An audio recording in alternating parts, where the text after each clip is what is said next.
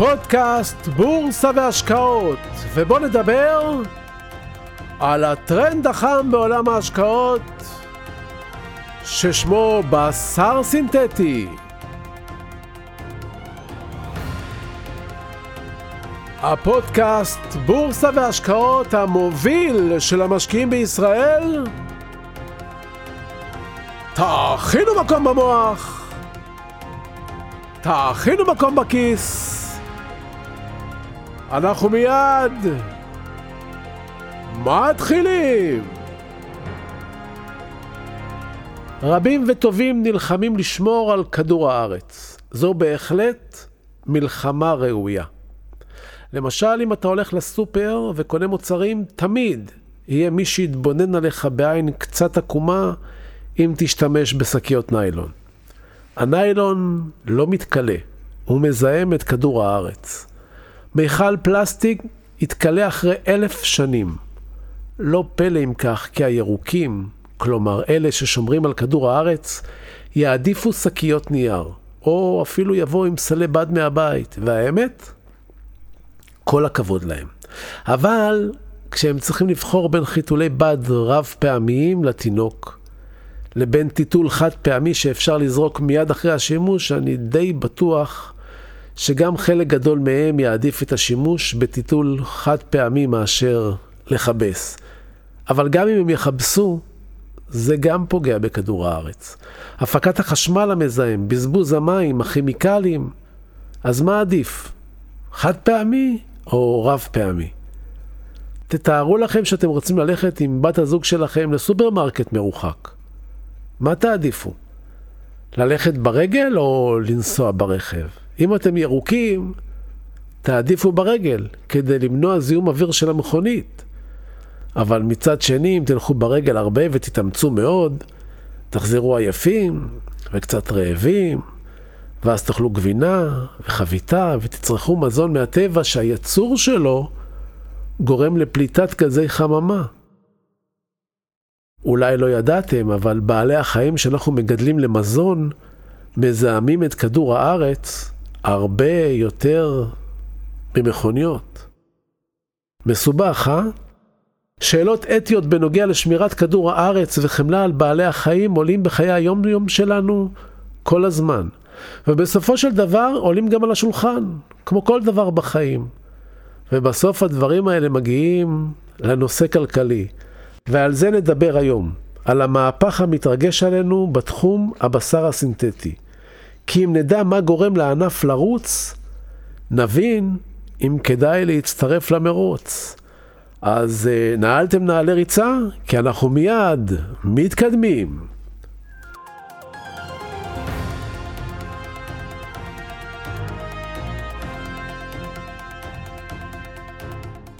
שלום וברוכים הבאים לפודקאסט בורסה והשקעות הראשון בישראל, הפודקאסט שסוף סוף יחשוף את כל הסודות של המשקיעים, אלה שהתעשרו, המשקיעים שחיים מהבורסה, המשקיעים שיוצרים עוד הכנסה בבורסה, וגם את אלה שהפסידו בבורסה.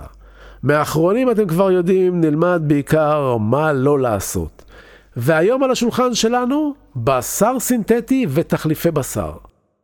השמירה על כדור הארץ תופסת יותר ויותר מקום בשיח העולמי, והאמת בצדק. הנתונים מראים שהמצב הולך ומחמיר. הנה כמה נתונים רק כדי שתבינו את התמריץ של החברות העולמיות לייצר בשר סינתטי ותחליפי בשר. חשבתם פעם כמה פרות יש בעולם? כמיליארד וחצי פרות. פרה אחת על כל חמישה אנשים. כמה תרנגולות? פי שלושה ממספר בני האדם.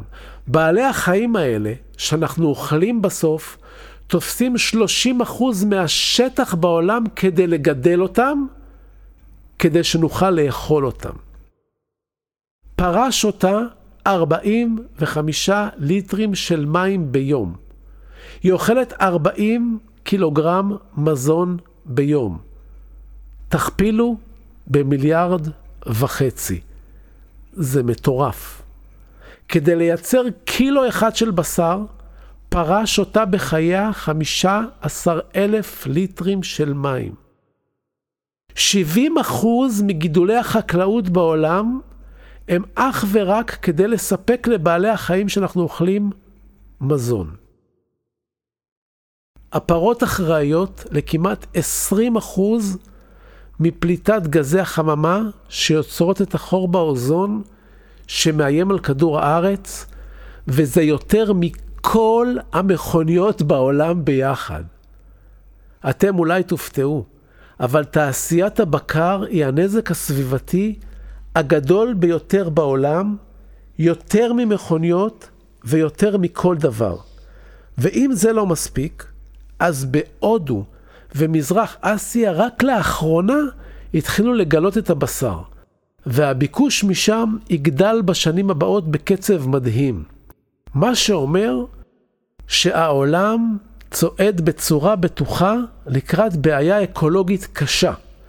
מחירי הבשר יאמירו, העולם ינזק וגם לא נצליח לספק את הביקוש. כדי לחדד עוד קצת את החישובים, אם היינו צריכים לגדל בישראל בעצמנו את הבשר שאנחנו אוכלים, היינו צריכים להקצות לזה כמעט חצי משטח המדינה, לא פחות, בלתי נתפס, רק כדי לגדל את החיות האלה ואת המזון שלהם. כדי להבין, אבל ממש, תדמיינו שבבניין מגורים ממוצע של שש קומות גרים מאה אנשים בערך, מסתובבות בחצר עשרים פרות, שהן אוכלות כמעט טון מזון ביום. זה שאתם לא באמת רואים את הפרות מסביב, זה לא כי הן לא קיימות. הן פשוט גדלות במקום אחר, אבל הבשר שלהם מגיע לצלחת שלכם בסוף. על אלה נוסיף עוד מיליונים של אנשים שמסיבות הומניות חושבים שלאכול בעלי חיים או לגדל בעלי חיים למטרות מזון זה עוול עצום, ואלה הולכים ומתרבים, הרי לכם בעיה הולכת וגדלה של תחום ייצור וצריכת הבשר כמו שהכרנו מקדמת דנא. כלומר, הבעיה היא בשר והיתרונות שלו לבני האדם כמקור מזון, ומקור חלבון שאנחנו חייבים אותו כדי להתקיים. הפתרון צריך להיות בשר, או תחליפי בשר, שאינם גורמים לכל הנזקים האלה שתיארתי, ובכמויות שיספיקו לכל בני האדם על כדור הארץ. הבעיה הזו יצרה תחום חדש, ששמו פודטק, שילוב של המילים food וטכנולוגיה. הפודטק הינו ענף די צעיר והוא קשור לכל הטכנולוגיות שיש להם יישומים הקשורים למזון. משלב הפיתוח, הפיצוח, הגידול ועד יצירת מוצר סופי שיגיע אל פיות הצרכנים.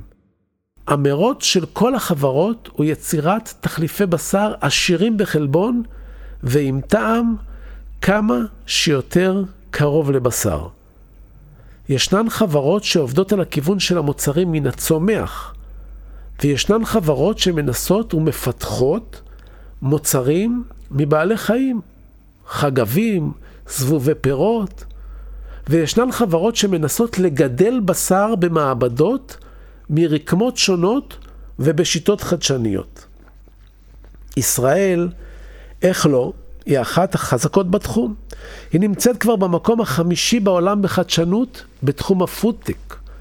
האתגרים הם עצומים.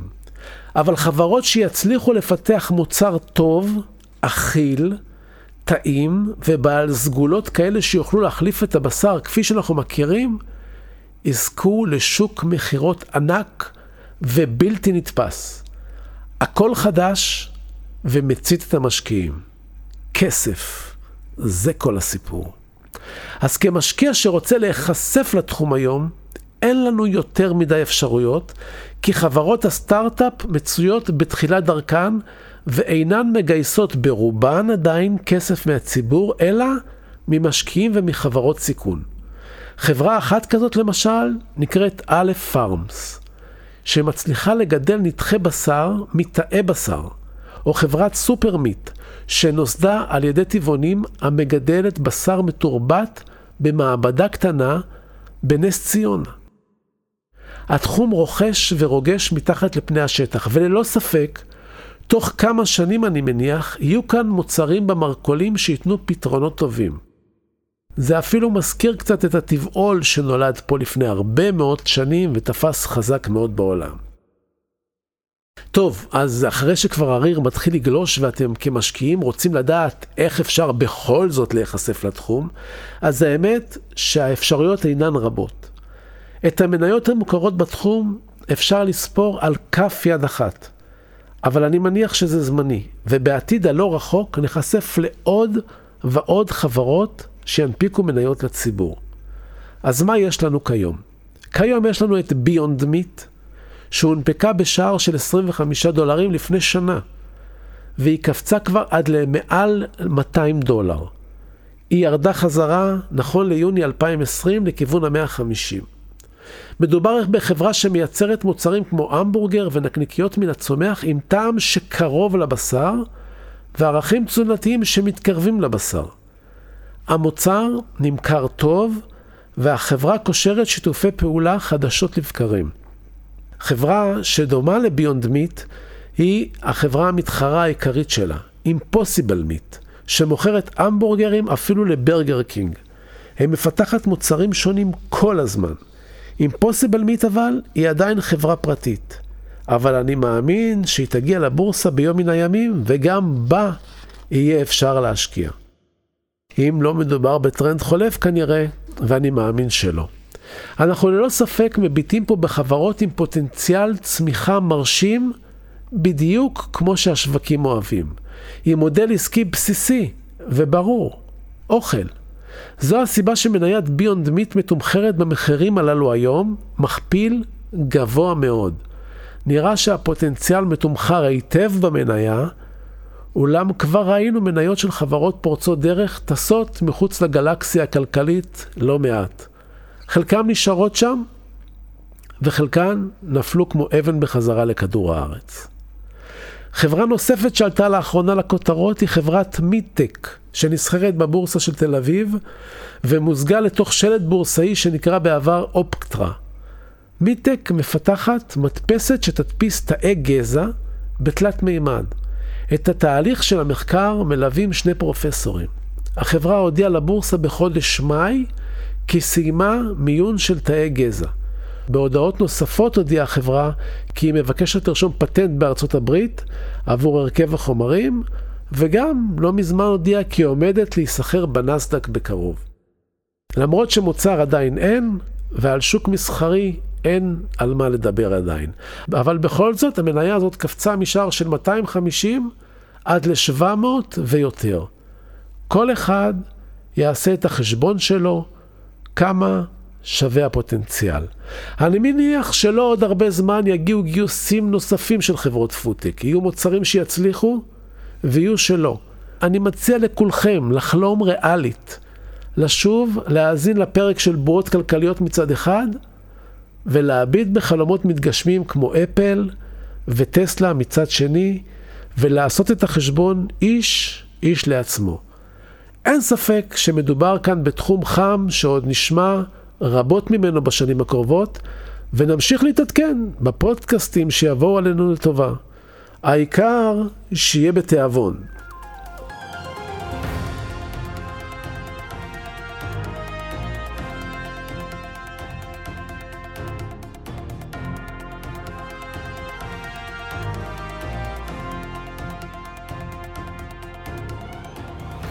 ועכשיו לפינת הטיפים השבועית שלנו, והיום על נזילות. משקיעים אוהבים פעילות, אולם לפעמים צריך לדעת להיות נזיל.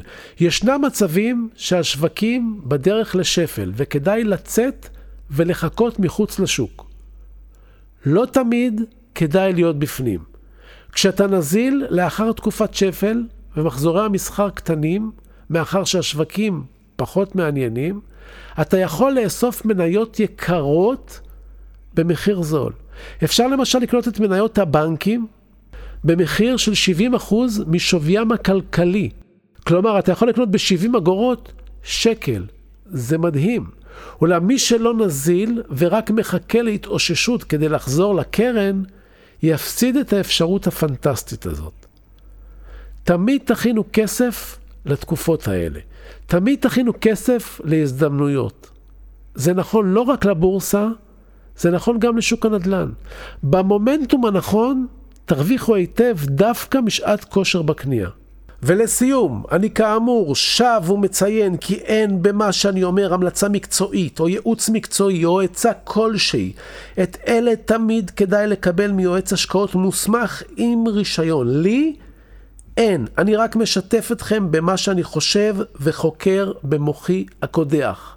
אז זהו לנו להיום, מקווה שנהניתם והשכלתם, תודה רבה על התגובות החמות, תודה על השיתופים, תמשיכו ותפיצו וככה נגדל יחד. ועד הפגישה שלנו אתם מוזמנים לשמור איתי על קשר, לבקר באתר האינטרנט שלי, סודות, www.sodot.co.il, לראות את הספרים שלי שם, להיכנס לפודקאסט משם, לשלוח לי מייל, לכתוב לי על דעתכם, לשאול שאלות. ZVIKA שטרודל סודות נקודה co.il זה בחינם. לעלעל בספרים שלי בסטימצקי ובצומת ספרים ושאר החנויות בארץ וברשת. לשלוח לי הודעה פרטית בפייסבוק אני נמצא שם תחת השם צביקה ברגמן בעברית. כמה פשוט. תגיבו, תשאלו, תעלו נושאים אני אחזור לכל אחד ואחת מכם. אני מבקש, סמנו שאהבתם תשלחו את הפודקאסט לכמה חברים. כן, אני רוצה עוד מאזינים לפודקאסט תעשו השתדלות, תפיצו, תודה רבה שהאזנתם לי, ואל תשכחו להירשם לקבלת עדכונים באפליקציה שאתם מאזינים דרכה, ככה בכל פעם שיעלה פרק, תקבלו הודעה. בשורות טובות, והלוואי שתתעשרו. אני הייתי צביקה ברגמן, וניפגש בקרוב.